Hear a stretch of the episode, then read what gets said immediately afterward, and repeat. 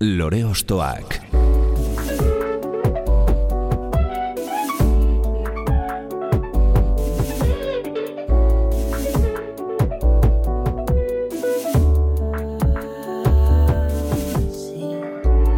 Ekain perezek aurkeztuta, gonbidatu bakoitza lore bat balitz bezala ostokatuko dugu.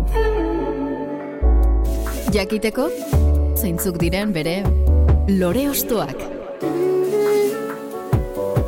Haupa, zer moduz, ongietorri lore ostoakera.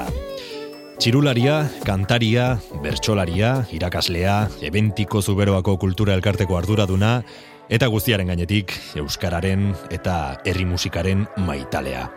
Hori guztia da, gure gaurko gonbidatua, kantu naiz kontu ugari beregan gorderi dauzka gotaine iribarnen, mila bederatzen da irurogeite iruan jaiotako siberutarrak, eta doinuz doinu bere gogoetak eta kantutegia errepasatzeko pres gaude atal honetan. Hau lore ostoak da, eta gaurko gure lorea, Michel Etxekopar. Ema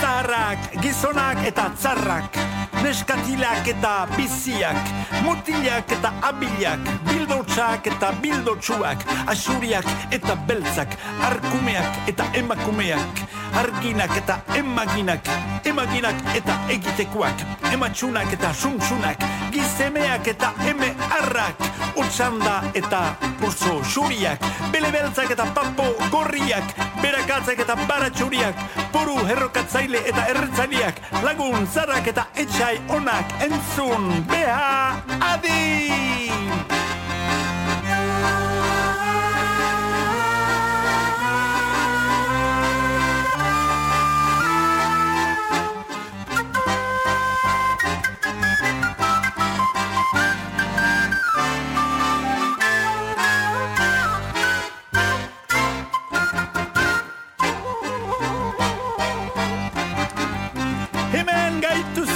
Aize baile, bata infernuko hauskua, nafara gamartekoa, bestia, deabrueren aingurua, xibero gotanikua, aizer parea, karakol eta barea, urrikal zaikitzatela, zuek entzulego fidela, etxe eta buru direla, getarian bezain laket berdela, nun nahi etxean bezela, luza zingana gaitzatela, innomine patri eta espiritu ergela.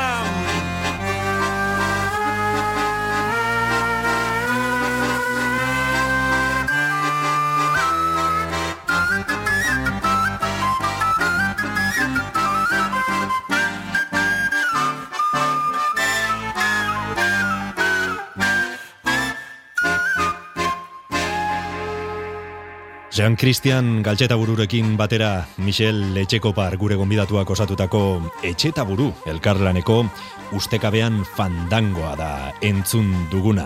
Haze parea karakol eta barea diozu bertan. Nor da karakol eta nor bare?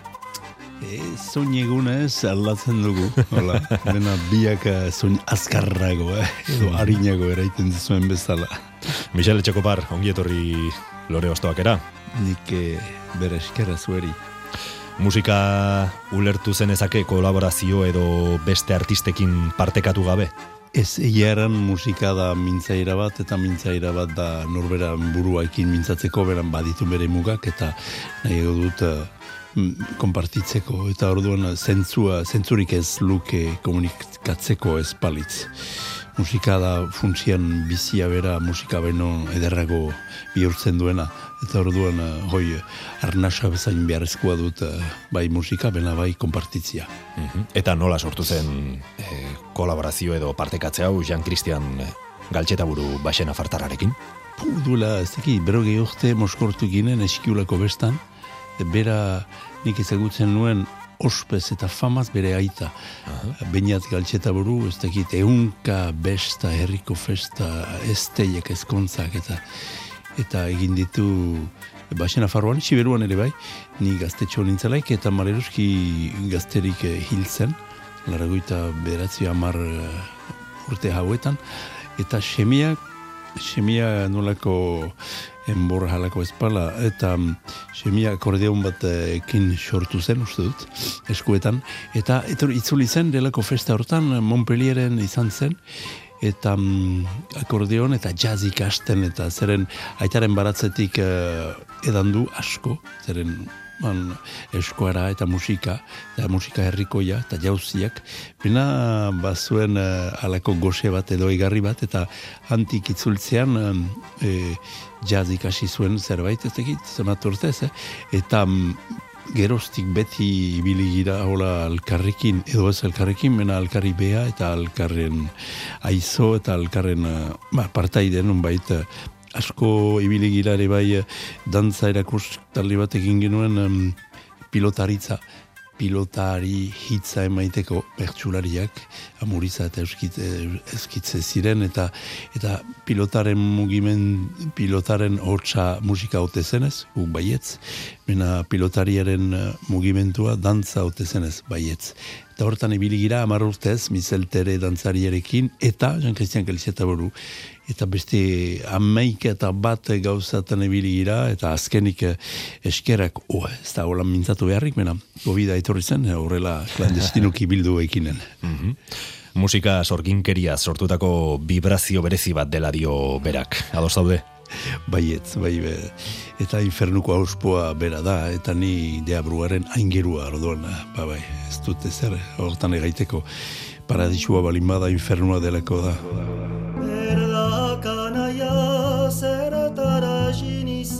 Izan nain goizik Aregia gaberik makila utzirik.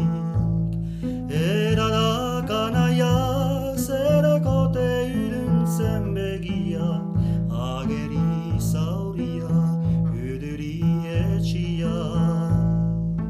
Goizuntan anaia Türbestu zitarak Sekulako gogo bihotza Ülduna eratxi Taeni ebatxi Aretzan gazte baten ametsa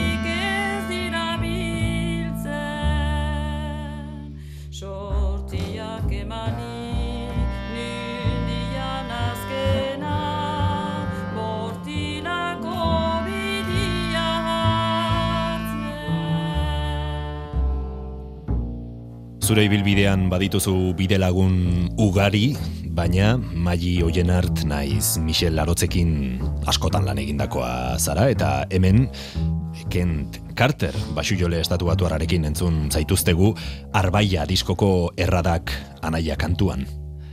Bai, Ken Carter Amerikarra estatu batu erra, eta bizi dena xarantetan Frantzian, han bordele beno harat uh, sigo, eta suerta izan genuen ezagutzeko, berak ez zuen uh, eskora emaiten, bera frantzesa ere ez. Eta komitatik genuen uh, lehenbizik udizkoan Michel eta Magirekin, zeren miresten nuen nula beretzen zuen musika oro eta nula ulertzen zuen hitz gutiz, edo bat ere, zeren ez gintuen ulertzen, eta guk ere guti, bena musikaz bai. Eta, eta orduan, izan zen kantu batzu eta bigeren diska hortan pentsatu berda nun ginen hor estudioa ez zen EITB-ko estudioa zen estudio uh, izugarri bat lesarri gateko olha, etxola, eh, ahuzki mendian ezagutzen duten entako. Maule ezagutuko duzue, Bon, hasiko laiz. Eh, bai paralia ezagutzen du, San Juan de Luz, garazi, maule, altzuku. Hor zorrotzek ezagutuko dute. Altzuku, Bai, bai. Ego mendiko bidian ahuzki. Bertako da niko Ahuzki, etxart, ez? Altzuku. Hori da. Eta ahuzkin zer lexaregatia. Zeren diska osua, diska osoko estudioa digenuen arbaila. Arbaila da mendi bat, eh, mastizo bat hola mm, Siberoko erdiko partean. Erdi mendi, erdi mendiapal. Eta han arbaila deitu genuen, zeren den dena eh, bai txoriak, bai josean antena, josean hartzeen eh, ahotsa eta bai gure musikak grabatuak izan ziren. Eta nola ustaila zen, mena ustala euritsua, hanginen e, lexaregateko hola hortan, basua eta mikroak eta mikroak guti funtsian eta Magi eta Michel eta, eta ni haurek eta ongi zen kantu horrek ezaugarri biditu lehenik hartzain mundua eh, zenan sartzen du eta hartzan munduaren akabantza edo ez ez dakitzaren bi hartzain daude eta batak eh, atxikitzen du fedia eta bestiak ez bestiak galdu du fedia. Eta orduan eh, batek biltzen du bestia eskerrak kantua bukatu baino lehen. Zuk komposatua da musika eta baita hitza ere, ez da? Bai, hori egin genuen, egin nuen eh, pastoral batentzako barkoesan eman zuten herriko semeak, eh, etxeun barkoes eta horrelako seme kutxunen eh, ohoratzeko, largoitan hama zortzien uste, eta galdetu zidaten eh, kantu batzu egitia, edo, edo doinu bat, edo, edo kantu osua, eta hori banuen uh, esnaur eta korri guguan, odin ala kantu bilakatu zen, eta beste bertsio bat uh, diska hortako egin genuen. Nola definituko zenuke zure burua edo nola ikusten duzuzuk e, zeuk? Abeslari, txistulari, musikari, sortzaile? Ba, denak eta deus ez. Bena, ba, denetai pixka bat bai. E, batzutan e, eskoletan ibiltzen benintzen eta batzutan gitarra txartxo bat hartatzen nuen eta eta gero Pedro Soler flamenko joliakin biten itzalaik, bo, bi urtez, bi urtez, eh, en nuen gitarra unkitzen. eta nik kantatzen dut, bai, bena, eh, askotan, ba, ez dakit, Jo Michel Beatxagarren onduan nintzalaik, ba, ba, isiltzen nahi zeren, ba, hobe da, hitza iztunari ustia, eta eta biharamunean ba, kantatzen dugu elkarrekin zenen harra barna sartua dut, eta hasi nintzen eh, xistuka eta mm, ez xistuan, eh, bena xistuka eta eh, hitz egin baino lehen, eta orduan eh, musika eta kantua eta txorien afera aski zaharra da, orduan eta hamar urtetan eh, ofizialki karreraren hastia izan zen kantuz, zeren pastorala eman genuen gotainen, eta ni aingeru nintzen. Deabruaren aingerua hortan sortu zen, petxe bere txer pastorala, eta geroztik bala kantuaren harra kaleike jaten hau. Askotan hitzek baino inguratzen gaituen musikak hobeto definitzen gaitu, beraz, guazen Michele Etxekoparren lore ostoen atzetik. Lore ostoak. Zer eskaini nahi diguzu, Michel? Tikitaka, tikitaka. Hau da zer izan daiteke bioztapa da, mena bioztapa da hori ez da, ez eh, da astuaren beherobitik ez zubiko elizarat jausten den, jausten zen, jaustiko den behar bada astotxuaren uh, tikitaka. Etxamendik eh, badu, doi, dohaina, doinoa sortzeko eta badaki etxamendik eh, hizkuntza bera dela musika. E, tikitaka, tikitaka. Berak entzun zuen ameiketan, ameiketa batetan entzun zuen astua zeren han bera han sortuia zen. Eta delako berobiko hauzuan ezteren zubi garazi altian eta bostetan entzun zuen hori eta bihurtu du, bihurtu zuen eta bihurtzen du hots hori hitz.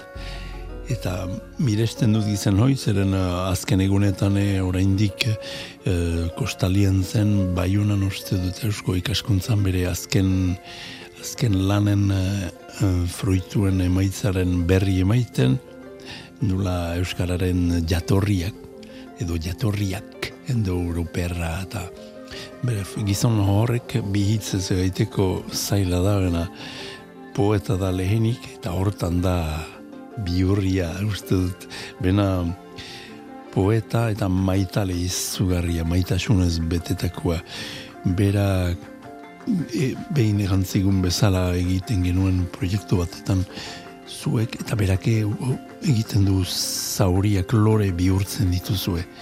Eta berak ikusi du bere osoa, bere etxia ehusten, bera husten. Eta husten, egan nahi bita, neortzen, aitak, amak hiltzen, eta auzoak ere bai auzokoak joaiten Ameriketara, bere bostan nahi arrebak Kalifornian daude, bizi diautenak bederen, eta eta hori bihurtu zuen, bihurtu zuen lore, kantu, bena ez kantu bakarrik ez da meslari edo abeslari hutsa, ez ez ez. Bera pentsa, erakasle, ingeniaritzen, laborantzako ingeniaritzen, eta erakasle, nunbait eh, euskal laborantzako mm, erakaskuntzan eh, bai, astapenetan eh, sartua, gero laborari bai, zeren lurra aipatzen du, bai, bena lurra aipatzen du eskuekin, berak. Lehenbiziko kantalia ni nintzen bederatzi urte, gotainen zen, e, iparaleko lehenbiziko kantaldietaik, franko bizitzen unaintian, eta irurgoita amabian, gotaineko gure gelatxo, gelatxo edo artegitxo ez dakitzer den eh, berriki eginik eta bera dator ez nuntik pauetik edo hola intxaladak han saldurik.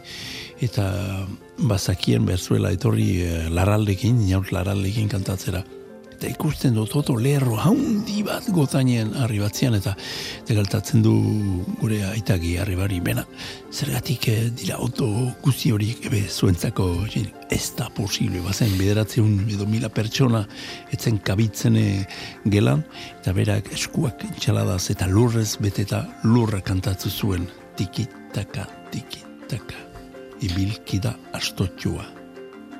Aipatu duzu mina mm, lore bihurtzen zuela eta zuk lore horretatik ba, lore osto edo petalo moduan ekarri duzu. Askotan aipatu izan dugu hemen, em, odei raperoak esan bezala gure egozentrismo horretatik ipar euskal herri bezala ezagutzen dugun horretan, baduzuela abesteko gaitasun eta ohitura berezi bat. Mm, biko hau horren erakusle da, ezta? Ez dakit kantatzeko, bueno, Josean hartzek lagunak eraiten zuen eta eraiten du, zeren bera joana balin bada hitza geratzen da, suberotarak ez du bihotzik. Habo, kantua baitu bihotz. Eta horrela da, alduen ez dakit, mena, herri zamaitetan behin larrainen ibili nintzen eta han eran nien eta bar egiten dute eta berriz ateratzen didate hori. Larrainen iduridu biztan baino gehiago kantari badela. Eta nonbait egia diot zeren uh, txoriak eta ardiak eta zintzarriak eta dena kantu da, enetako. Dena da berkantua. Kantu bat gara bestiak eraiten duen bezala, jon maiak eta mm hortan iduri zait, eh, eta oraindik ere bai bada zerbait, gertatzen da zerbait uh, oraindik. Bai, bai, halike, zeren kinkalarrian dugu Euskara, Euskareri osuan. I parale osuan, Sibero osuan gutxi gora bera estatistikak um, begiratzen badituzu baina bada zerbait irrazionala kantuaren bidez pasatzen dena, kasik ez dakite ritual gisa edo iniziatiko zerbait baluke.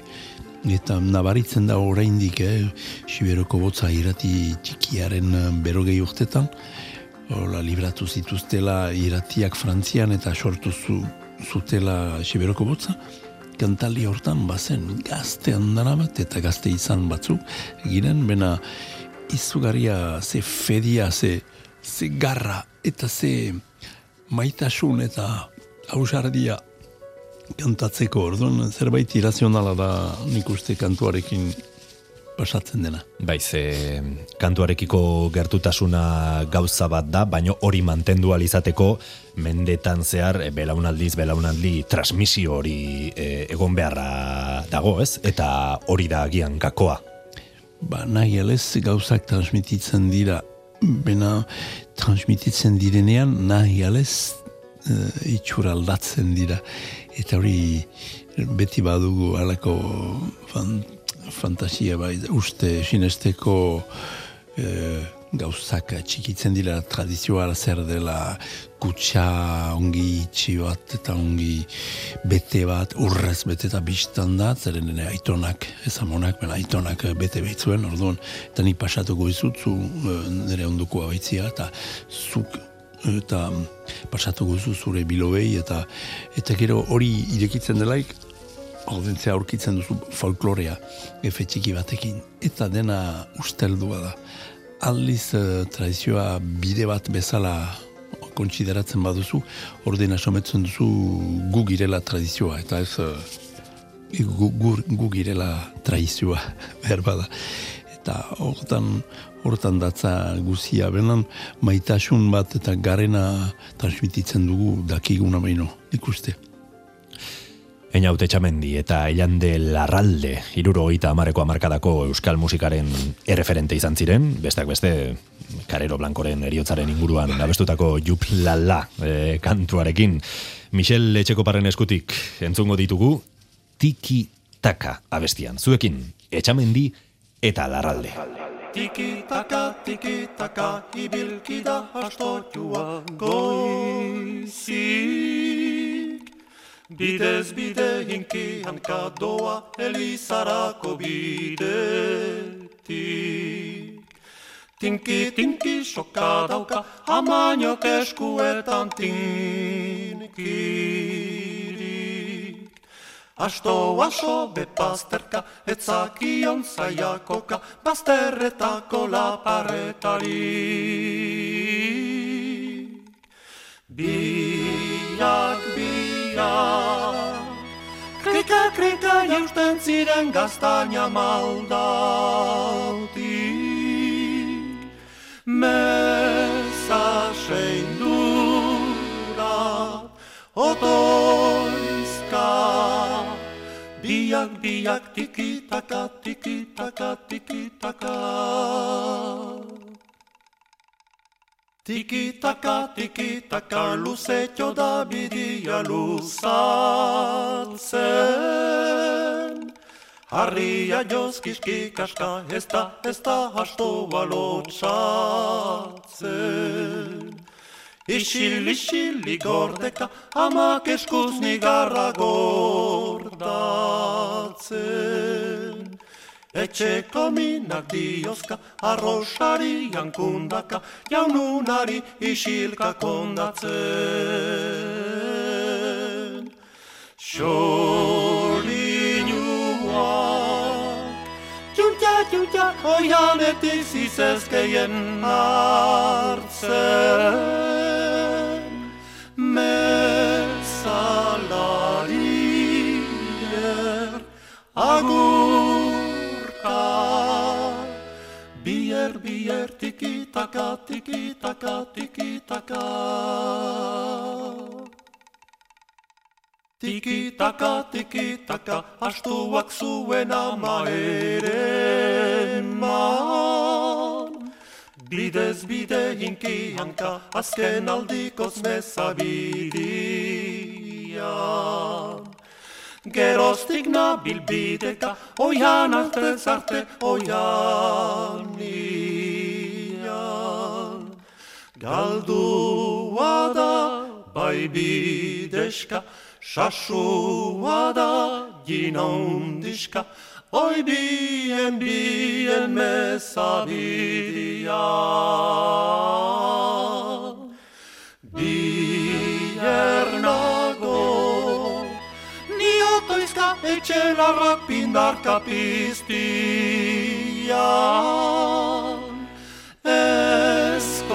Ezko xarian, nigarka. Bier, bier, tikitaka, tikitaka, tikitaka. Tiki taka, astotxoaren pausuei jarraituz, bidez bide ibili gara irurogeita amarreko amarkadako Euskal Herrian barrena, Eta bide gurutzera iritsita, beste bide bat hartzeko pres gaude. Eta astuak jarraitzen du, zeren uh, entzun balin baduzuen gi, eta e, txamendien ama eta astuak hil ziren biak, mena astuak tikitaka, tikitaka jarraitzen du.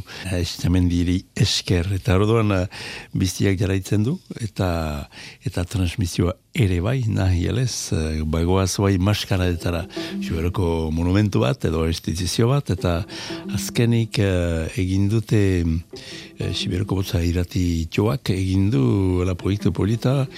Eh, azken ez tekita mazazpi urtetan eh, agertu ziren xorotxak, xorostailiak, hola oso kargu, kargu importantea zeren kantua ezartzen baitu jokoan, bi kantari, mutila laneska, eta ezarten baititu horian, eta azken amazazpi urtetako xorotxak, xorotxen kantuak, eta xorotxak bildu dituena, eta hortan nabaritzen da ze garantzia du, duen kantuak siberuan, eta diskoria gertu dute, eta mm, urtez urte zen xorotxa gertu den, berriz grabaketa egin dute, garbiki, poliki, eta beti bezala izan zen urtero da maskara da, negu oro, bena izan zen covid hemen bezala. Eta orduen, 2008 batian izan zen eh, COVID urtea, edo COVID maskara da gintzuten. Klandestinoki ez dakip, pena debekatua zen, eta maule gaineko plazan ginen, ziren eta ginen funtzian uh, gazte batzu, gazte handana bat, montatu zuten maskarada bat. Eta maskarada horrek ezaugarri asko zituen, libertate gehiago ere bai, maskarada ofizialetan beno, zeren beti hartan uh, barlintza hauetan hartzen baita libertate gehiago, eta libertate saire hortan baziren sorotxak ere bai. Eta sorotxak ziren uh, siberutzeko bi kantari, Ion Etxekopar, semea, eta Petxe, Petxe Jaragoien, dantzari eta kantari eta erne den motikua. Haiek eman zuten zeren ondoretzak badakite zer den, transmisioare bai, oi janean Sibireko gure bardo ezagunenan eh, kantua, etxaun iruri, etxaun iturriren kantua hartu zuten, oi janean, oso kantu edera, Baina eh, aurreko siberutzen aurreko gau luzeetan eh, gitarra bat eskutan emaiten zuten kantutegi guztia, baina gitarra bat eskutan txak, txak errege moduan. Eta hori bilakatu zen oianean kantu berria eta berria bezain zahar edo zahar bezain berria. Emanik izan baitzen 2000 hogeita bateko sasi edo COVID maskaraetan.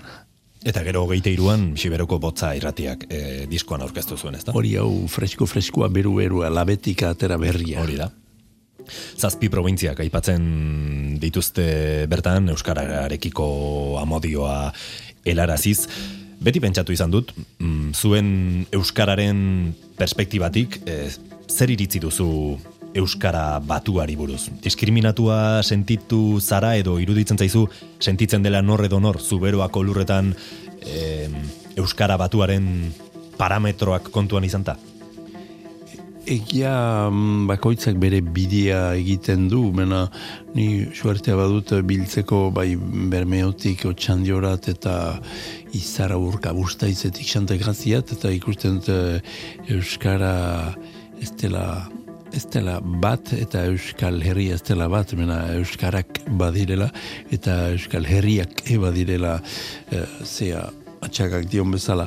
Eta hori maite dut kolorez, eh, kolorezka zea alde txarak baditu, biztan da xuberotar bati eganen duzu ah, bai kazetari bat etorrik da bai, mena ez dut ulertzen edo bertsulariak etorrik bai, mena maite dut, ai, nole kantatzen duten batzuek, mena ez dugu ulertzen eta mena hori bakoitzak egin beza bide. Eta berriz itzultzen naiz iratietara eta euskal iratiek egiten duten lana maite dut eta miresten dut funtzien zeren mm, goizero badu bere gehiorte edo sare bat osatu zutenetik entzuten ditugu berriak uh, batek emanik Benen uh, berdin uh, gipuzkoako berriak eta gipuzkoarrez eta e, polita dena, zeren antxete iratia badute endaian, eta han bai. entzuten dute beritxaila, nurek emanik, bainat larori gure kantari lagunek, sibereraz. Eta hori bizentzutan funtzionatzen du. eta maite dut hori bakoitza bere lekuan, eta bardu um, nunbait zerbait aman komun uh, mintzatu alizateko, nik eh, egokitzen dut ere mintzaira zuekin mintzatzeko, mena hori komunikazio negozietan egokitzen gira mintzakidiari. Noski. Eta hori hori ba, batez ere deskubritu du mundu, bat duela berrogei urte, eh, sartzen ginen eskoaran ikasten mena iezko eskoara zen biztan da guria e, amarena eta eta sibedotarra eta emeki emeki ikusten duzu kantuen bidez beti kantua be Ai, ai, ai, zer eraiten du horrek, eta kantu, Gabriel Aristien kantua, Nacho de Felipe emanik, dabil beharrian. Beharra, zer da, alana da bizkaian, eta eta hortan mundu bat esku hartzen duzu, eta geho, Gabriel Aristien uh, harri eta herri liburu hartzen duzu, ai, ai, amena, ulertzen diat.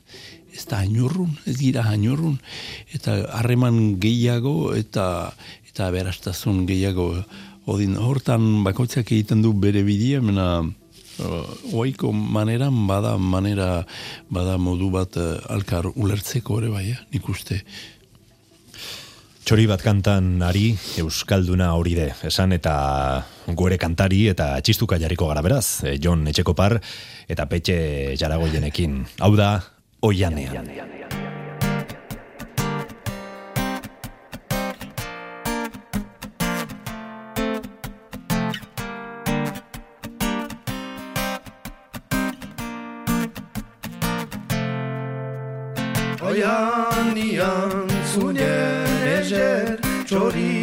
Bat kantari Eskualdun arbolari Zazpi provintzier Amodioz diot gazter Euskarari beti esker Jaraiki zaiten uratxer Ez sekulan bazter Ez deia sarmagari, nuri ez du plazer. Txori bat kantanari, euskal auri der Ez deia sarmagari, nuri ez du plazer. Txori bat kantanari, euskal auri der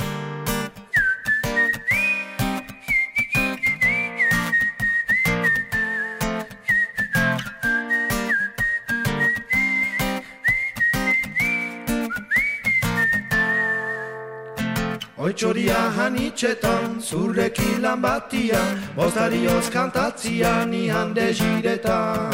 Sartu gira plazerretan, egi plaza ederuntan, nahiz bostario ezari iskal bihotzetan. Hots, hanai emaitiak, banderan, eskietan, eskualdunak begira, nausik usietan. Hots anai emaitiak bandera eskietan. Eskualdunak beikira nausik usietan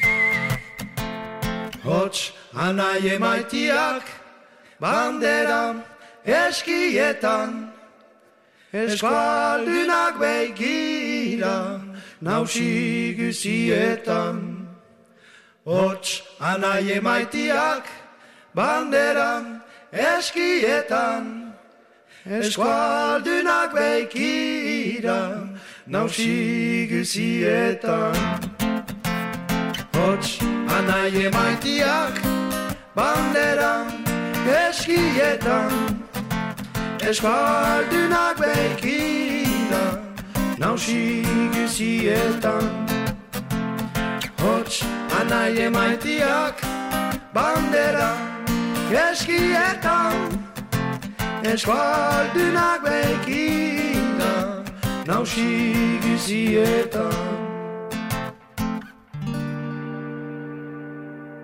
Euskararen oianean Jon Etxekopar eta Petxe Jaragoienen bide lagun izan gara, Michel Etxekoparrek gonbidatuta, eta horren ondotik, beste hau ekarri diguzu.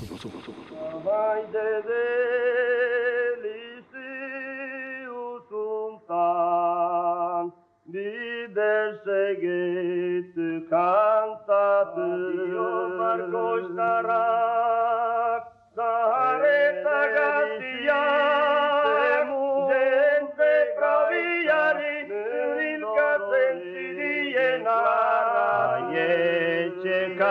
Nigeria, habera sirası, jene ohere bayan diye baskısı.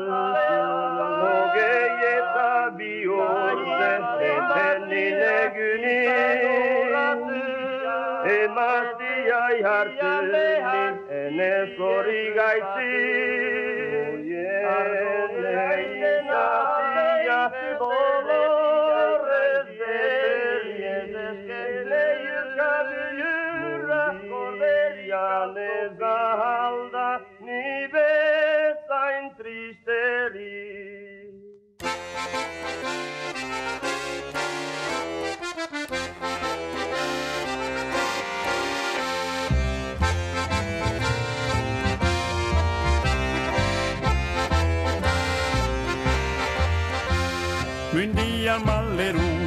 Jikaniz bagirade Benan ni bezain denik ez da ni ureren. Ni hauren efuntxetan nahiz izan jabe Hamar urten galera kenetza dirade Desertuko izi gentien beldurrez Abixatzen dirade egoitera gordez Ni eurak bezala gaixuan igarrez Ene bizi tristia kuntxerbi beharrez.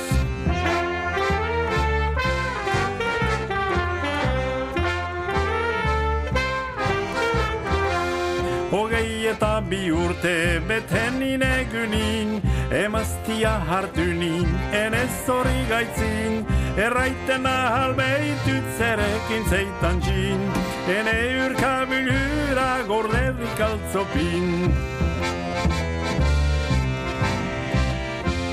Ene ister begia, bahin emaztia Errestara zigabe, oienne flakia.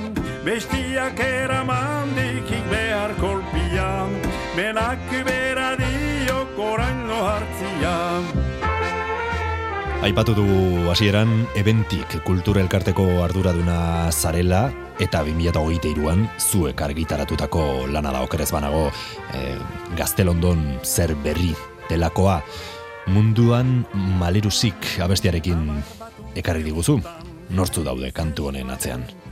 Kantunan atzean emeretzik eren poeta maradikatu bat etxaun, bena ez etxaun iruri aipatu berri diguna, bena etxaun barkotxe. Pierra topet etxaun. Etxaunian sortia, benan barkotxen. Eta berak, e, ez dakit, e, orain bizi balitz ez dakit mitifikatuko genuken zerena. Oso antikontsensuala, e, antiklerikal, mistiko, mistiko depresiboak, badira mainako depresiboak, eta hau, zen mistiko espresiboak, uste dut. Eta utzi zuen kantuali bat, uh, atkantu handana bat, bertsoz edo bertso idatzietan, edo bena bere bizia kantatzen zuen, eta bere bizia zen, uh, zen uh, epopea, uste dut. Uh, bizitu izan zen, porrot egin zuen familian, porrot herrian, e, saiatu zen galdu zituen lurren biltzen eta eta porrot izan zen, presuntegien izan zen, saiatu zen bere emazte ez aukeratutakoan e, maitalean hiltzen, ez zuen lortu, mena ez zuten kondoenatu izugarrizko filma bat bada, alegi Bai, filma bai, bai, baten dirudi, eh? Edo elaberri, elaberria bada, bada, eta irakurri dut, eta um, gipuzkoarrez, baina ze edera, eh, nahiz eta nik ezagutzen nuen, eta ion etxaide itarte, gipuzkoarrak idatzi zuen, joanak joan, joanak jun, Sibereraz. Eta mm, oso novela ba, bazen, mena izugarri untsa dokumentatua, Aritxelareke Euskal Zain buruak eh, egin zuen mm, bere tesia hortaz eta eskerrak, eren mito batzu hautse zituen, eta hola, bena, bena hororen buru zer zen poeta bat, eta mm, poetak bosta sola, eta poetak bizia du jokatzen. Eta bere kantutegian, badira mm, kantu satirikoak eta kantu autobiografikoak. Eta geho bertso jarriak batu basta bata bastentzak. Benan kantu autobiografikoak, zazpi daude uste dut, halako zerbait. Eta hau da bat, mundian maleruzik. Eta mm, pentsa oso mm, zaila zen, etxaun bezalako baten aipatzia, emeretzi garen mentia oso moralista eta erlijioaren pizua nula zen imaginatzen dugun, eta mm, hogei gere mentian, beste iraultza bat, etxaun irurik, piera etxaun irurik, idazten duen lehen biziko pastorala, e, nortaz, etxaun barkosez, lagunek e, harate karrazia, eta barkosen eman zuten.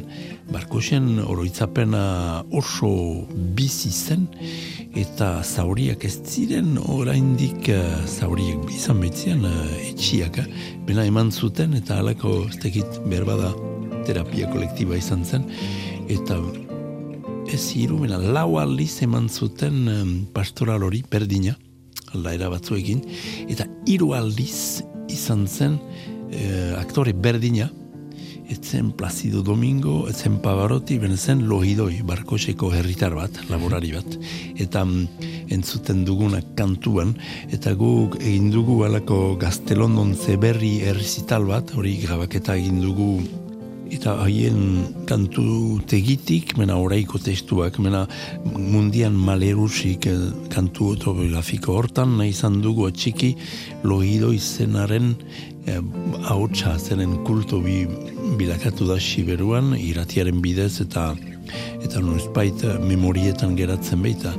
Loidoi hiltzen, mena hautsa beti hor da, odin nasketa bat egin dugu, eta, eta gure bertsoa egin dugu, biztan da, hola, pixka bat uh, malerusik ez, mena irrietan igarra alkarretaik urbil baitia, beti. Mm Hasieran entzun daitezke hiru ahots e, bata bestaren gainetik, ez? Bai, hori da dena loidoiek eh, loidoian grabaketak dira. Mena gure laguna Piero Islerek egin ditu la nasketak eta horrelako muntaia eginten dugu zuzenean zuzean ere bai emanaldiak egiten baititugu zeren proiektu hori egin dugu partikatzeko eta etxe honen memoriaren eh, nunbait eh, errautzetaik eh, ateratzeko. Eta bo, araiz behar dugu eman ustaritzen behar dugu eman alako herri batzuetan mena placer atsegin handia genuke ora konpartitzia hori ba, Gipuzkoa edo Bizkaia nola bertsolarien mundu hortan zeren gurea baita eta ez dugu elkar ezagutzen aski. Lore Ostoak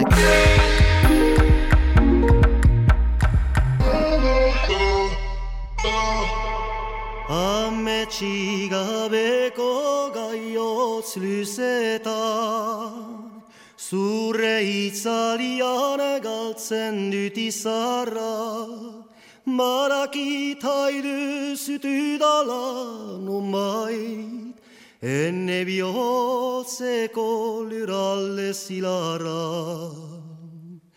Hame txigabeko gaiotz luzeta, zure hauenetan nun nago iparra. Maraki makarik zutu dala numait, enne bihotzeko lurralde zilarra. Arbelezko egatzen eriak, maiatzeko lantzer isiletan, begira da maite korberiak, bilatzen dut usen da. Eskiak zentako dutut jabilte, Harrien atetzeko badizutin narra, Egoitza txatzeko ta eraikitzeko, Enne bihotzeko lurralde zilarra. Eskiak zentako dutut jabilten, Zurren igararen ez dizko pindarra, Idorotzen asteko lariak uratzez, Enne bihotzeko lurale zilarra. Arbelezko egatzen eriak, Maiatzeko lantzer isiletan, Negira da maite gorberiak, Bilatzen dut usenda hiletan. Ardo minberatik edaten dut orai, Erreka onduan istu da lizarra, Mahasti zarak ekiri direla, Enne bihotzeko lurralde zilarra. Ardo minberatik edaten dut orai, Lehen bezala gaur asmatuz biharra, Txerkatuko zutu, kutsatuko gira, Enne bihotzeko lurralde zilarra. Enne bihotzeko lurralde zilarra.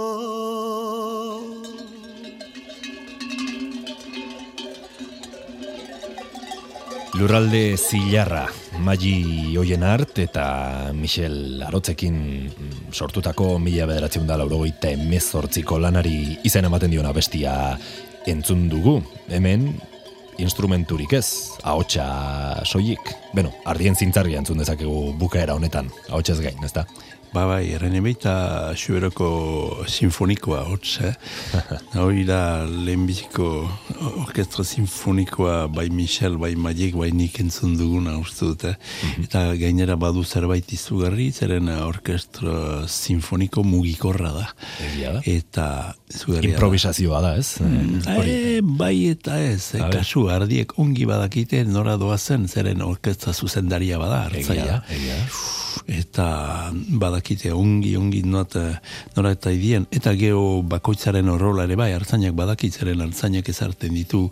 Zintzarriak, kuskulia, kuskutrebesa, txalaka, eta ez eh, zer nahi zintzarri, zer nahi ardiri, eta aldatzen du ere bai, Ah, bai, eh? batzuek ez dute asolik bate, bena beste oraindik ere uh, hartzain batzuek izugarrizko asola badute eta harreta jartzen dute hor. Eta ez bidaian, bidaiatzeko bakarrik, eh? eta, eta orduan eh, iazki bada poesia hutsa eta ez dira musikariak edo beren buruak ez dute musikaritzat eh, jotzen, bena, bena bai izugarrizko zientzia badute hortan, eta maite dut hola lan hori egiten dutenean. Eraiteko, bai, hau txutsez bai, mena sinfonikoa bazela.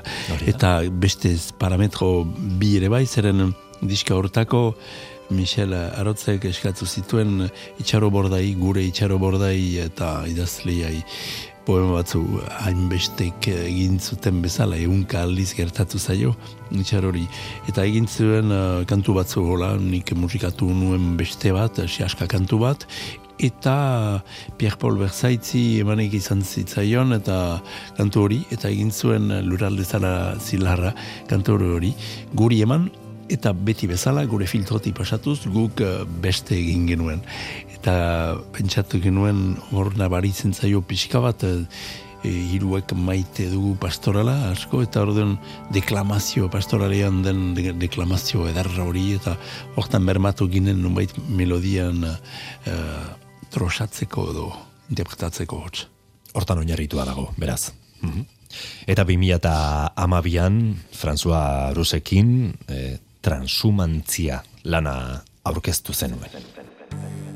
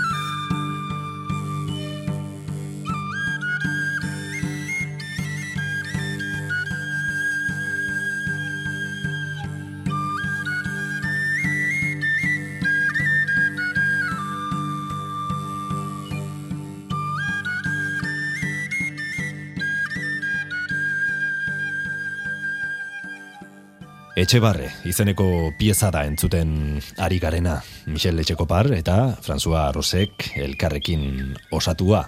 Hemen hain maite duzun txirularen soinua, entzun daiteke. Ba, txirula eta bai txuntxunan, bai. Mm txuntxunak badu berea eta no, bere alderdi hipnotikoa zenion bezala badu eta funtzionatzen duenean batzutan jendeek eh, plazan girelaik maskaetan hola, jendea ez da enteratzen, edo bai musikariak bai, bena guti entzuten da aldiz zuk, eh, joiliak baduzulaik eh, txirula eta txuntxuna hor onduan, bada moskortzekoa, hipnotizatzeko eta funtzionatzen du. Oinarri hori jartzen du, ez? Eta hori estudioan ginen, eh, elkarren estudioan, eta Jean Fukasek hartu zuen eh, soinua, eta berak ba, nabariztu zuen, ordin egoera akustiko mm, naiz eta artifiziala izan, baliatu zen eh, nonbait eh, txuntxunaren arrol uh, azkartzeko, pixka, azkartzeko, nabaritzeko. Mm Txilula edo hiru zuloko txirula da bertan mentzun daitekena? Bai, ene txirula, ikasi nuen txirula eta eta txirula eta txuntxuna, hola ikasi nituen bate uste gabe, maulegetar batekin, Jean Kopen deitzen zen eta etortzen zen e, guri besta egunean eta mm, dantza emaitera. Bizaren normalean ikasten mekinian eta gure erakasleaikin eta edo harmonikarekin edo kantuz kantuz ikasten baitira e, dantzak ere bai. Bena besta egunean kasu kategoria zen eta Jean Kopen etortzen zen. Eta behin esukaldeko maainian atxeman nuen txirula hori. Eta hartu nuen enakian nuntik ufatu eta txoriak atera ziren, lehen bizi, zeren enakien nula zer, eta horretan hasi nintzen enteratzen txoriak eta txirula eta txorien kantuak bazutela zurubi eta zubi uste dut, eta ikasi nituen, ikasle hona bezala, dantzak, zeren nahia bai, bena beharra baitzen, eh, maskaetako eta pastoretako oso txirulari guti ziren, etxaun bera behant uh, hasi zen uh, eskazabitzen, bena hortan hasi nintzen, eta mala urtetan maskara den egitera behartu ninduten, behartu nahitara, eh? Mm gati bau nahitara. Eta mm, hasi nintzen hortan, eta eta geroztik emeki emeki poetizatu nuen edo asumitu nuen alderdi poetiko hori. Eta nunbait emaitza balin bada emaitza bat eh, izan zen 2000 hamabian atera zen transumantzia dizka transumantzia ez da kasoledade ere bai.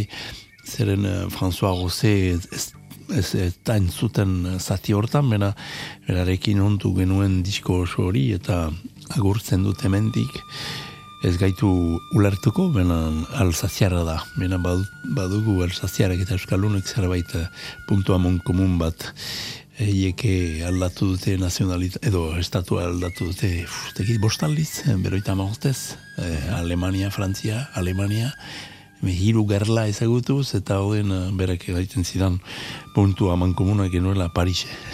eta egia. Eta musika, ez? Eta musika unibertsala.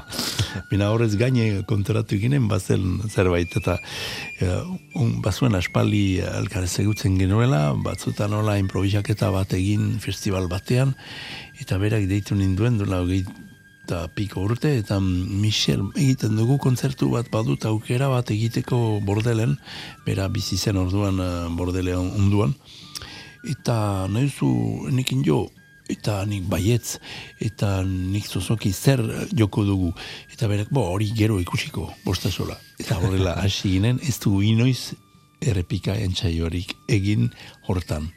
Eta hortan hasi zen, eta hori pentsa, mm, elkarren gabatu ginuena, da, ez bi edo ba, hiru konzertuen uh, zenbait uh, denborali egin ginuen, eta hortaika aukeratu zerbait. Argazki bat bezala da, argazki da atzoetzen eta bihar ez da izanen.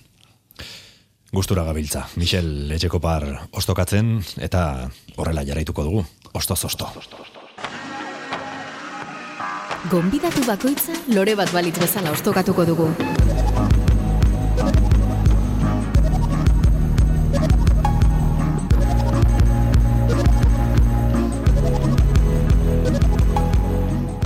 Txirularen doinu goxoak atzean utzi eta beste proposamen bat eskatuko dizut, Michel, zer proposatzen diguzu orain?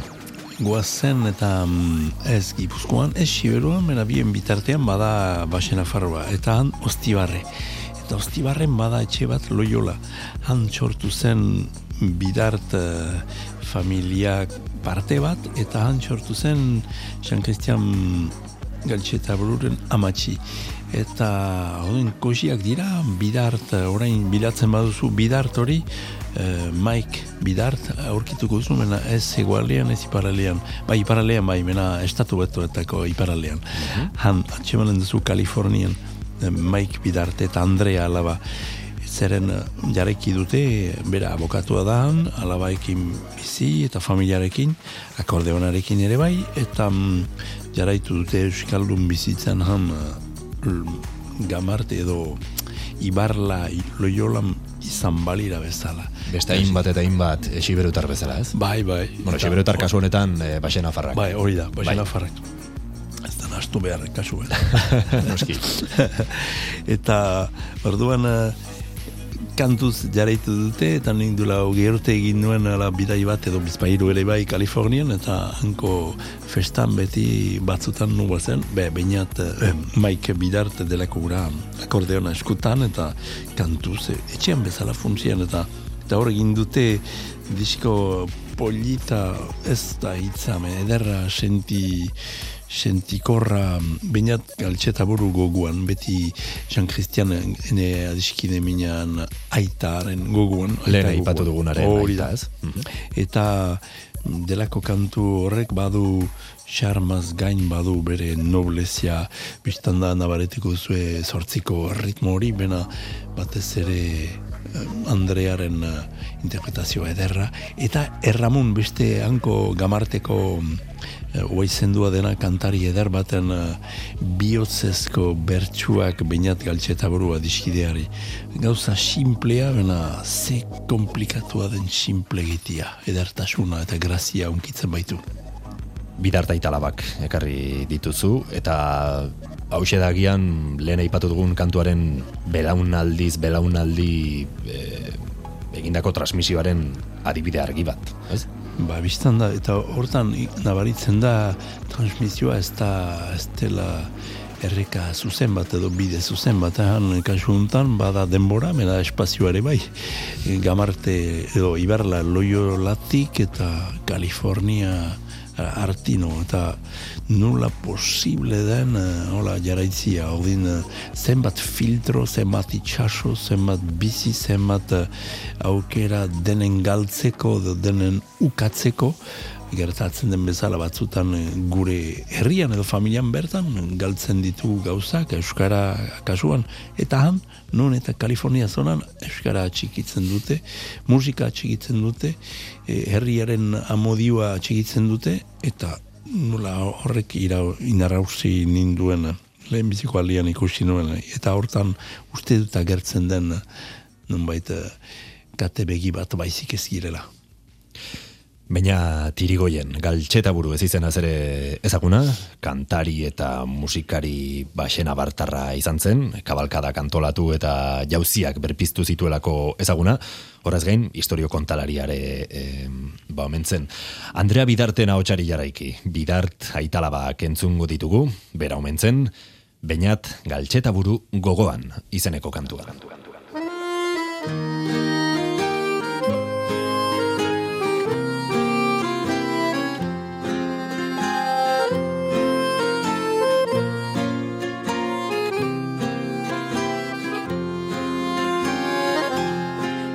Barneko zauri batekin orain hasten naiz kantari. Asperen luze baten ondotik denbora pasatuari. Gure gisako pentsamendua erakutsi nahi zuri. Eskual herrian izan baitzira musikari mireskari Euskal Herriko hainitz plazetan Beniak inuela buru Gazte eta zahar ederkitan zan Oro jauzi da inguru. Norpada eran lezakeote Bazinuela urguru. Bonet tipi bat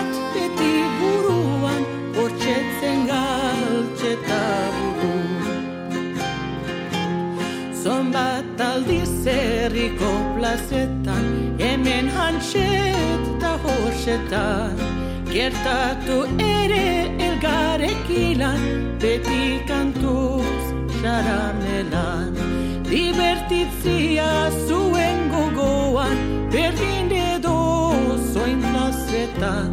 Historio polit zonbait kondatuz Zigaret bat erietan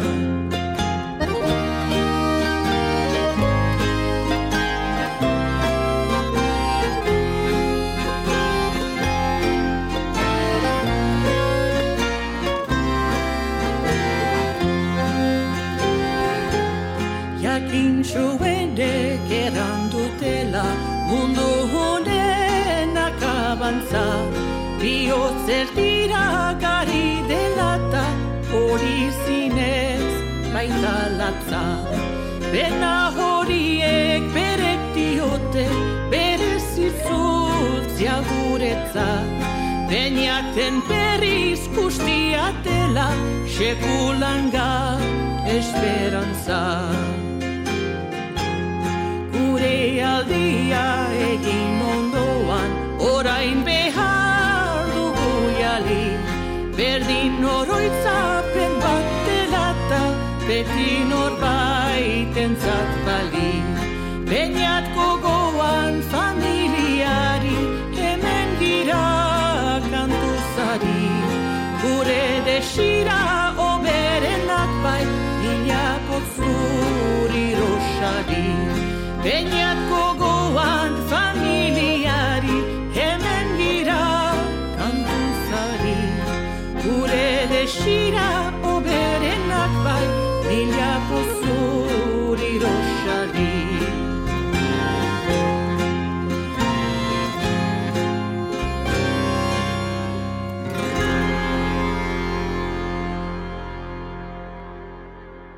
Omendu dugu bainat galtxeta buru, bidar taita alaben eskutik, eta kuriosoa da, eh, mikrozkampo kantua entzuten ari ginen bitartean, aipatu duzu, bainat galtxeta buru bera Ameriketan jaio zela, eta ona etorri zela gero, hau da, e, bidart e, familiaren kontrako bidea egin zuela, ez? Nola diren gauzak? Ba, ba, ese hilabete zituen, ez tegitzea oroitzapen atxiki zuen, mena zerbait eh, markatu zuen, zeren dena imprematua dugun ikuste sortzetik edo sortu aurretik ere bai. Mhm. Eta doinuiek alde batera utzita, mm, zer ekarriko diguz orain? Zer entzutera goaz? Iztaki batzuk diote hori ez dela musika edo nik dakita zer, mena enetako eh, duela urte batzu bazen ez da bada zer da euskal kantua eta da euskaraz kantatzen den eh, kantua zer da euskal musika i, delikatua eta iduri zitzaidan eta hortan eh, pasatu dugu gau eta egun eta aste eta hilabete eta urte, duela oita bost urte, bai xiru gure herriko festival txikian, eta bai entzunen dugun taldearekin, tehenta taldea, eta um, pasatu ginuen bilatzen. Eta non da lehen edo azken musika, edo musika bakarra da hizkuntza Eta hotxak emaiten du zentzua. E, zentzua da hotxaren hume, kumea eraiten zuen poeta batek eta ni maite dut hori eh, eta etxamendik ungi bazakoen bazakien tikitaka txunta txuntza eta hortan ordien eh, aitzaki bat aitzakiak aukeratu genituen eta 2000 batian aitzakia zen ikuskizun baten muntatzi ordinarbeko plazan. E, usai dugun bezala sua musika eta eta kantua, eta narrazioa, eta antzerkia, eta dantza, eta zer zen aitzakia, hor behar baita baita aitzakia, Joseba Sarrion handiak idatzi zituen, e, zer ez du idatzi haik, mm, datorrena behar bada, eta oraindik nago ze ez du ez idatzia nun bait, bere genomuan. Eta um, idatzi zuen e, ipuin bat, ipuin bat hori maite dugu historia hola ikusik uh, oroitzera eserri. Tituliak bon, ez dakit ez du eraiten mena, zer kontatzen du matalazen historia, mena ez egiazkoa. Izan bada egiazkorik. Eta um, historia eta literatura urbil direla. Eta horrek asumitzen du hori zeren uh, irazten du eta irakurtzen du eta ezagutzen du. Et, baina hor, idatzi zuen matalazen historia, matalaz gure e, Xuberoko apez e, bat, amazazpiere mentekua, mito bilakatu zena. Nunbait Xuberotarren oldarra e, simbolizatzen eta inkarnatu behitzuen e, nola frantziar erregearen kontra legar e, justuen kontra eta horrela. Hori bat, historia bat, edo dakiguna bat.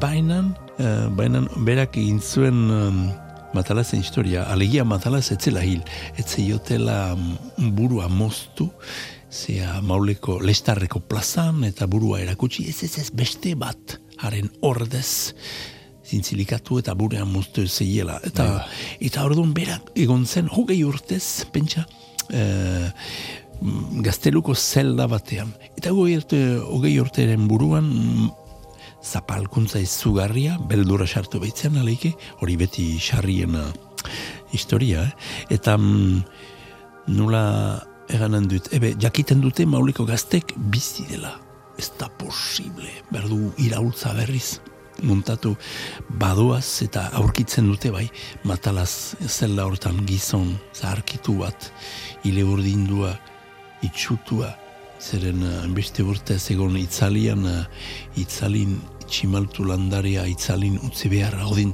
ateratzen dute biztan da? Eta zalien gainen gauaz gau e, joaiten dira basa burilat edo xubero gainilat gotane gure etxien aitzinien pasatuz hori da froga funtsian eta nun zen dute usten dute ligiko arpez, arpezulo batetan eta laminak bizi dira dakigun bezala eta biaramunean uh, badoaz uh, laguntza bila eta jantzi bila, eta tartean matalaz horrek topatzen du haur bat. zergatik, eta begiak xuri dituzu, ah, argizagiari potxe maitez sobera egonik, eta eta gazteak itzultzen direnean, matalaz eta aurrak joanak dira. Eta bukatua da. Eta bukaera hori maite dut, zera ideki uh, usten du. Bakoitzaren interpretaziorako, ez? Hori da, hori historia hola balin bada maite dut. Eta mm, eta orduan hori aitzaki hartuz, hartu genuen testua, etzen sibereraz, biztan da, nahiz eta ongi ezagutzen zituen siberotarrak eta siberotara gure Josebak, mena hor eh, siberotar hartu ginen, ginuen, eta mm, jokatu plazan erditan. Eta joka aldi horren erdigunean zen narrazioa, ipuñaren narrazioa. Bena nahi genuen ez kantu bihurtu, bena bai eh, kantua bera hizkuntza izan lehenin, eta horren tehenta neskak ziren emazte talde horrek lan ikaragari egin zuen, justuki xuberotaren musika hori nonbait ateratzeko eta nabaritzeko. Zeren xuberotarrek badugu akats asko eta akats horietan kalitateak dira ere bai, eh? nontik begiratzen den, badugu gazkoinarekin, gazkoinarrekin eh, nonbait kutsadura edo eh, kreolizazioa. Bai hitzen aldetik, mena bai musika aldetik. Eh, hori ez dugu maia er- eranen, mena ez mahaina, mena bai mahaina. Frantziar soldaduek haen ordez kabalen agia zioten zumaitek. Tatan, tetere, tetanun, siberoko satanek harrapatzen dutenean, odei agurra, ebe, enetako rap hori da, bermatzen da, xuberoko mintzairaren uh, musikan. Doinu Eta hori, ez? Hori, doinu hori. Hitzaren doinua. Hori da. Eta biziki maite dut pertsonalki hori, eta odin konpartitu genuen, eta neska horrek egin zuen lana, eta hori dugu entzunen uh, nonbait uh, grabaketa bat egin baikinuen ez galtzeko. Filma bat uh, egin izan zen, aski adiarazgarria, eskerrak, benan, bena hortan uh, soinuarekin uh, musika belarientzako izanen da.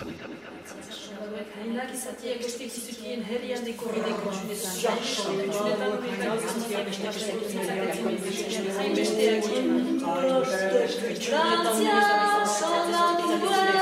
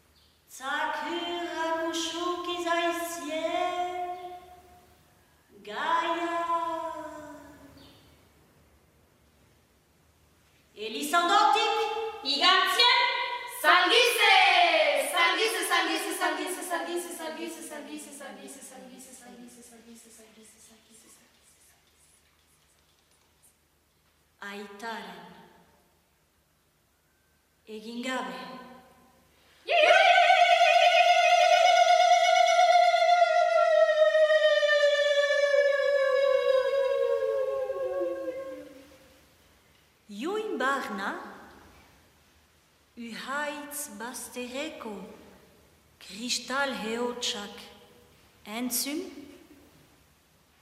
Eta hiasa hestuz? Igantzien, ataratze! Ataratze, ataratze, ataratze, ataratze, ataratze, ataratze, ataratze, ataratze, ataratze, ataratze, ataratze, ataratze, ataratze, ataratze, Fite! Huren ondoko biretik, errekaen bestaldi laiganez, lesaroi hanbatetan sartzeko. Frantziar soldaduek e, entzun dugu beraz tenta taldearen eskutik eta euskal musika herrikoiaren berpizkundeko iruditegian ezinbesteko doinu hau ere azpimarratu nahi izan duzu. Altzak ez du bihotzik, ez gaztan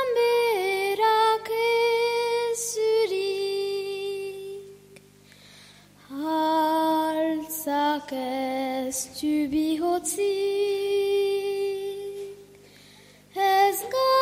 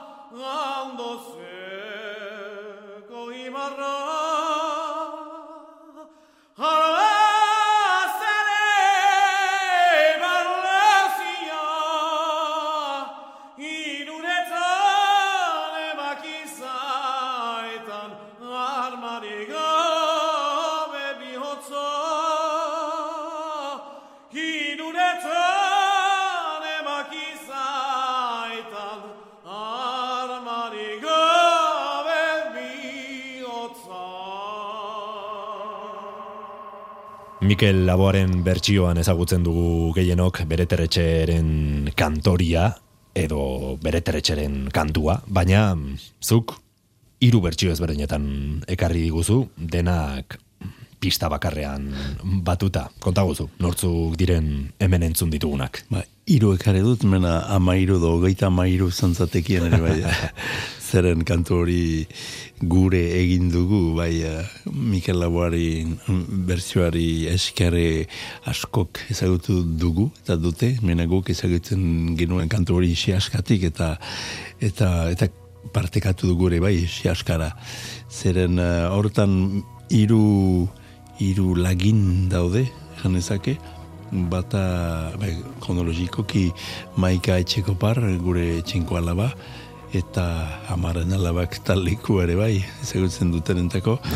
Berak em, kantatu zuen, ba entzuten zuen, uh, askatik entzun zuen, eh, askotan bezala, asko bezala, benan kantu txabelketa, aurren kantu txabelketa bazen, eta berak kantatzen zuen ikastolan biztan da, eta talde txiki batetan, hola, eta orduan eh, kantu txapelketan kantatu guzu bai, eta norekin kantatu zu beste lagunekin, eta lehenguzuekin arantxa ez ez, abo? Eta norekin, ah, ni bakarrik. Ara? Eta pixka bat lutsatia zen, hola, halke bezala, bena, ah bai, bon, txal. Eta ze kantatuko zu, ebe, berteretzen kantua, aieia.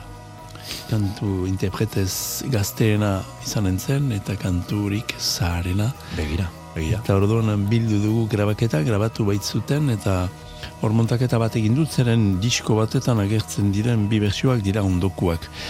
Ba, eh, hau, geratu dut Naitara arazoin desbardinen gatik amalur gipuzkoar koroak oi gelditua dira, mena agurtzen ditute eustako estakio iraola eta getariako mia auzoko alkatea den Xabier Lalur entzuten banau. E, Xabier Lalur eh, zen e, tenora hortan eta tenorea eta estakio zuzendari, kasik dantzari, eta etorri ziren gotainerat. Ber urtean, maika kantatu zen urtean edo ondokuan, egin genuen gure xiru festivalean, alako pastoralearen aipamen bat, eta pastoralean geratu da, etxaun iruri esker, berteretxe kultu ere bai. Eman baitzuten bi aldiz uste dut. Eta horren gaualdi bat egin genuen, satanak baziren, kantariak baziren, eta koroa, pastoraretan bezala, bena koroarenak nork egiten zuen amalur koroak. Eta etorri ziren berteretzen kantua. Benan, mollaketa hori Tomas Garbizu batek eh, mollak, mollaketa eginik. Eta siberoan izan zen, badakit kantu zaleak baziren, eta niean nengoen, eta uah! nulako mollaketa egin zuten eta zeren kantu hori ez da um, kantu bat da bortitza, historia bortitza. Eta, gabe. Ba, bai, bai. Eta, bina, bardugu ere bai, batzutan siaska kantuetan, ere bai, badira historia bortitza, beldurra sarazten diguna. Hori justu aipatu izan dugu behin baino gehiagotan, lehen aldiz nik uste maite larburuk aipatu zuela hemen, eta egia da nola aldatu den aurkantuen iruditegi hori ez, e, orain denak ba, ikuspuntu oso naifa edo polita dute, baino lehen lehengo aurkantuak mm, krudelak ziren, ez? Eta edo beldurra transmititzen zuten, ba, e, askotan mm, ezakit, estrategia moduko batzen lokar, lokartzeko aurra, ba, beldurraz e, begiak itxi eta ezakit, Bai, bai. eskutatzeko loan, edo... Beldurrak baitugu oraindik eta badugu horren beharra amak kontatzen zigun behin. Eh, Hastian nintzen enteratzen, mena, mena enteratu nintzaleik zerren zuen, amak haura sortu din, mailu kalduz eho din, zuzulupian gorde din, Ua! hori jos, jolasteko kantua. Kasu. Hori da, hori da. Nola aldatu diren garaiak, eh? Bai, eh?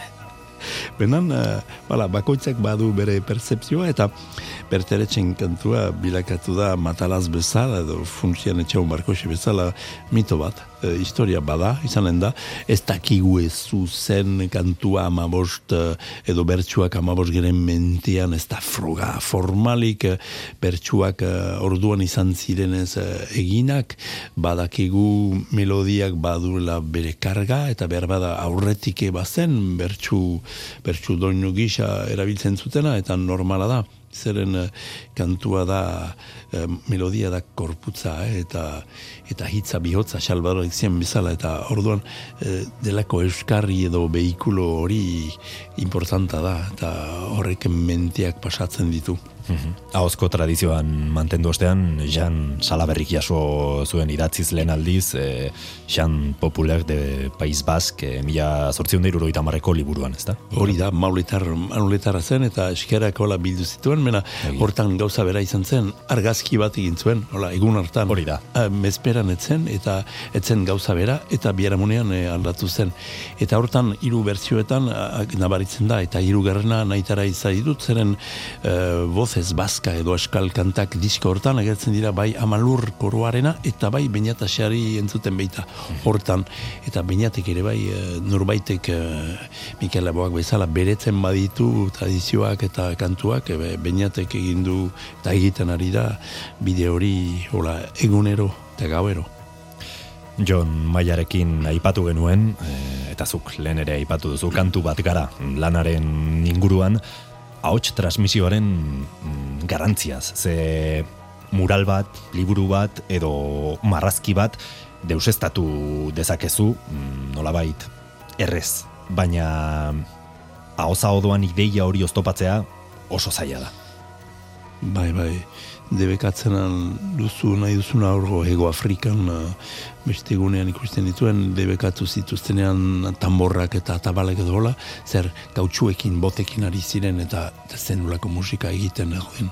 Ez baduzu, eta orain dik hiltzen baduzu palestinarrak oro hiltzen badi, badituzte ze utopia haientako mena ze bide kale itxua zeren uh, doblia sartuko da nik uste. Bai, Maneluski bortizki ere bai, bena, bena transmisioa eginen da. Transmisioa bortitza izanen da, bena eginen da. Orduan ez dakit zergatik eh, duen grina hori eta menperatzeko giza umeak dakit. Memento untan dira Israeldarak edo, edo boterean direnak. Mm -hmm. Enezak eran, bena, hola, bena transmisioa egiten da. Tenen gugira, gugara transmisioa. Ekain perezek aurkeztuta, gonbidatu bakoitza lore bat balitz bezala ostokatuko dugu. Lore ostoak.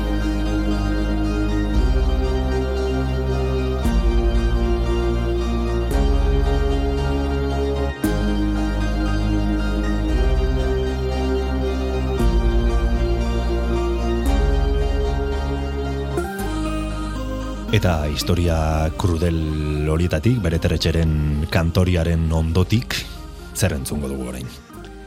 Horai, guazten itxasura, itxasu ez itxasoa, itxasu lapordiko herria, eta mm baionara nahi bauzu, zeren baionan bizi da orain, marina bat, marina beretxe bat, bera sortu zen euskal kulturan, euskaran eta euskal kulturan, eta ez tekit bost edo sei urtetan jadanik bazuen biolina eskutan eta geroztik bi mundu hauetan, zeren behar da itortu askotan mm, paralelo bizi direla, eta bera bizitu da, zeren biolin eta musika klasikoa eta horrelako musika eme handi batekin alegia, omen e, mundu hortan hazira, behinan ez du antzi inoiz, e, bere euskaltasunan hastia eta, eta ez ahaztia.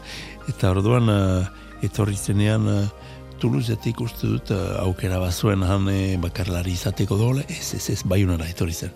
Eta itzule zenetik, mahanka altxatu eta lanean jarri eta zer lanak. Hor uh, entzuten duguna da Joel Mega kompositore baiunarraren komposaketa bat, amalur deitzen den pieza potolo bat, ez dugu entzunen usua, mena, eta suertea izan dut parte hartzeko, Marina eta sokazko uh, orkestra txiki bat eta pianoari bai. Eta izugarrizko zubi eta zurubi lana egiten du Marina Beretxek duela urte batzu lau urtaroak edo lau sasuak bivaldiren amabi kontzertuak grabatu ginituen. Nur, nurkeren entzuen nik. Zeren behara badu nik bivaldi jotzeko bivalderikin uh, pertsuta ba, Eta beraren ideia izan zen, ba, bai, Michel, badu bai edo bai, zeren Vivaldi oso naturari lotua da, eta Vivaldi ba, zure zintzariak, zure txoriak, zure txirula, zure bertsuek behar dute. Eta eta komentzitu ninduen, eta jale egin genuen, eta bigren proiektu hori, duela hiru urte, jaz atera zen elkarren disko hori, eta manduguna lehenbiziko aldiz eh, sokuntza mundiala gotainen eman genuen, hori hori estimatzen dut, eta eh, taldearen eh, urratxa, izan zen bost kompositore, mena bizi direnak, garaikide gaiten da, garaikide zera funtzian bizi izatea, eta mm, eta haietaik bat Joel Mega. Joel Mega dizkide musikari fina, gitarista, lut eta horrelakoetan oso trebea. Bena mm, euskal musikan ere bai sartua, bai honan erakaslea eta egiten du berak ere lan ederra, oai uh, Frantzia edo Europa mailako orkestreke jotzen dituzte, jotzen dituzte bere ditu bere pieza. Eta mm, eta orduan hor amalur musika hori komposatu zuen eta entzunen dugu azken azken zatia ispilu dantza. Bala ezagutuko duzu nun baita suberoko bralia edo soka dantzak be, badu hortatik naizta berri izan badu zerbait zaharretik Mhm. Hasieran aipatu dugu musikak baduela sorginkeriarekin harreman zuzena edo baino behin sentsazio hori sortzen duela eta kantu honek esango nuke baduela ezaugarri hori. Behar bada bai joelek uh, sorginkerietan ezagutzen du zerbait. Hamaiketan ibili gira musika egiten bai bineta xeri eta joel merarekin eta po, ze fina maite maite baiti, baikaitu ost. Bera ez da Euskaldunan, bena, bera hanbesti urtez bai bizi Euskal Herrien eta Euskalduntu da nik uste asko maite duenak Josean hartzen zion bezala, dion bezala asko maite duenak asko daki. Entzun ditzagun bada, Joel Mera, Bayonako kompositorea, Marina Beretxe violin bakarlari eta zuzendariarekin, ispilu dantza, amalur izeneko pieza hipnotiko honetan.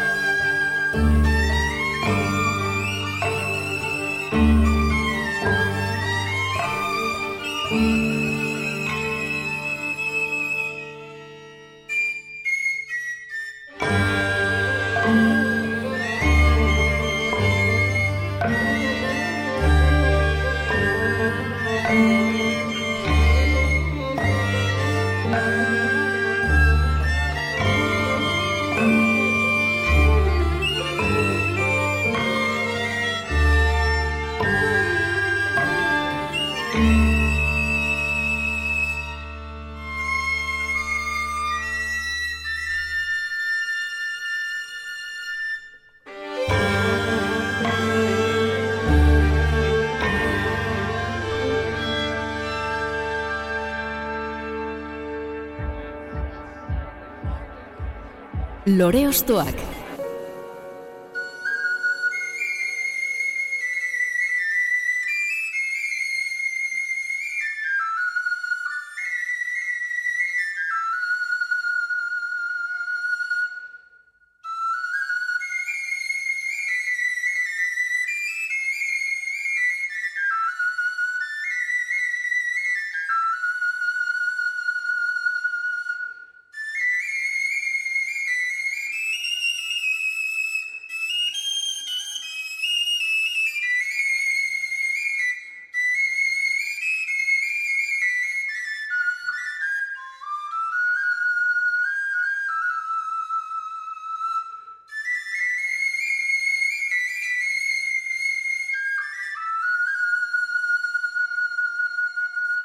Euskal Antikue, Euskal Baroken Sambol eta Enrique Solinisen inguruan gabiltza 2008ko lan honetan eta bertan noski Michel Etxekoparren ahotsa, txirula eta, bueno, mm, espiritua bera ere nabaritu dugu kontrapas izeneko doinu honetan.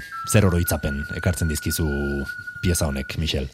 Ba izan zen abia puntu bat eta oraindik ez da etenik izan, zeren jaraitzen dugu Euskal Antikoa zen lehenbiziko diskoa, geroztik bido hiru izan da izan dugu, elkan hori bat eta aurrentzako euskelelea beste bat, baina Euskal Antikoa hori nonbait eh, izen eta izanak bazuen eh, ongi pentsatua eta prestatua zuen Enrique, kemena miren zeberiok eh, bere bizilaguna eta biolin uh, aparta horrek, eh, bai.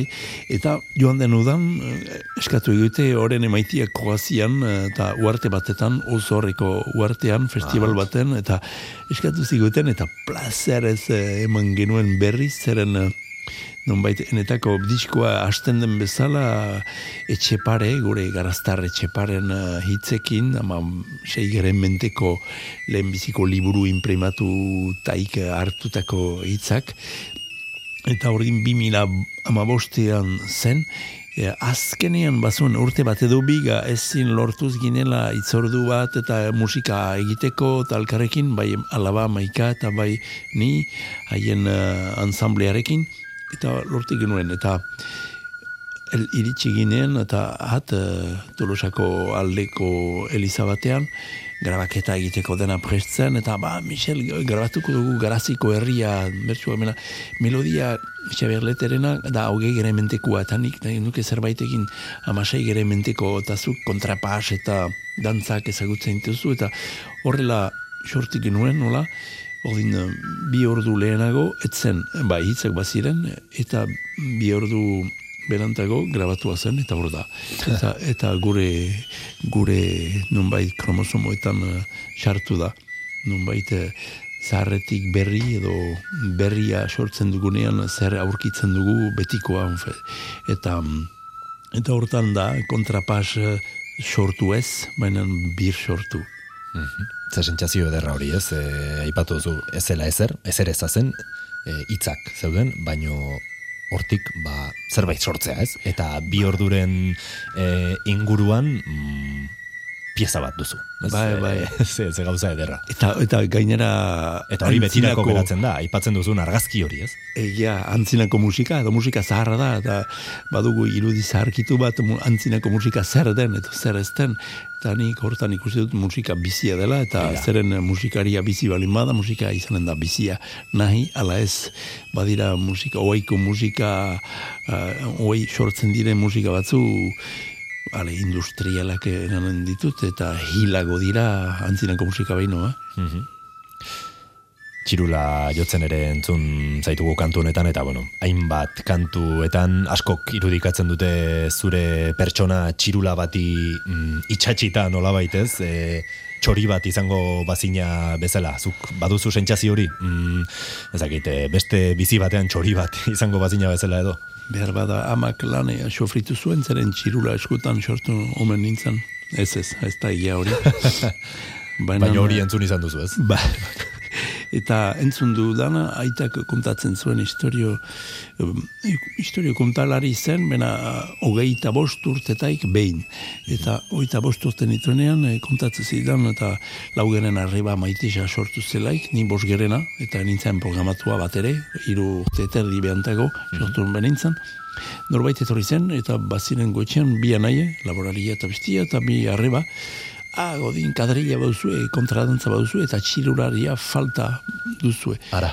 Eta hori nik, oita bost urte berantago jakin, ah, bai, eh. Odin, historia guti, bena, bo, onak ziren aitarenak, odin, parkatzen diot. Mhm, Ze ona, beno, ba, Mikel Aboak xoria, txori kantuan esan bezala guk ere zizkizugu egalak moztuko eta egan jarraitu denbora askoan guk jarraituko baitugu zure mm, egoaren atzetik eta zure soinu eta doinu eta hitzen atzetik. Beraz, Michel, plazerra, zu elkarizketatu eta bueno, e, zurekin solasaldi bat hemen lore ostoaken mm, izanagatik, beraz, eskerik asko. Nire gonbita onartzeagatik eta hemen izanagatik.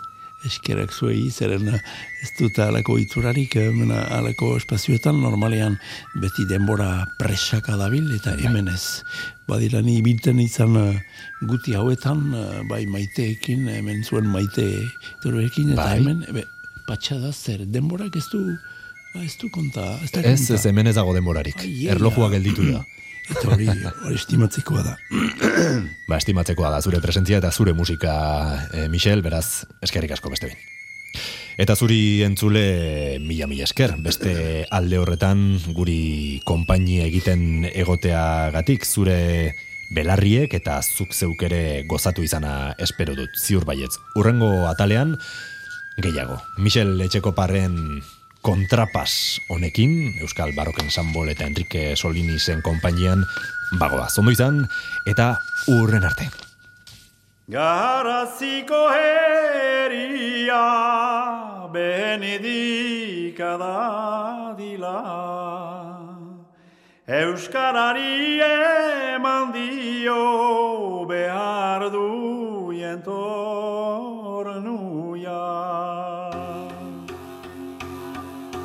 Bertze jendek uste zuten ezin eskriba zaiteien. Orain dute porogatu engainatu zirela. Euskara jalgi adi, jalgi adi mundura. Euskara jalgi adi, jalgi adi mundura Lenguaietan ointzen estimatze gutitan. Orai alizik behar duk horia orotan Euskara jalgi adi abil mundu guzira. Euskara jalgi adi abil mundu guzira. Orain daño egon baiz imprimitu bagerik Hien goitik ebiliren mundu guzietarik Euskara jalgi adi, jalgi adi dantzara. Euskara jalgi adi, jalgi adi dantzara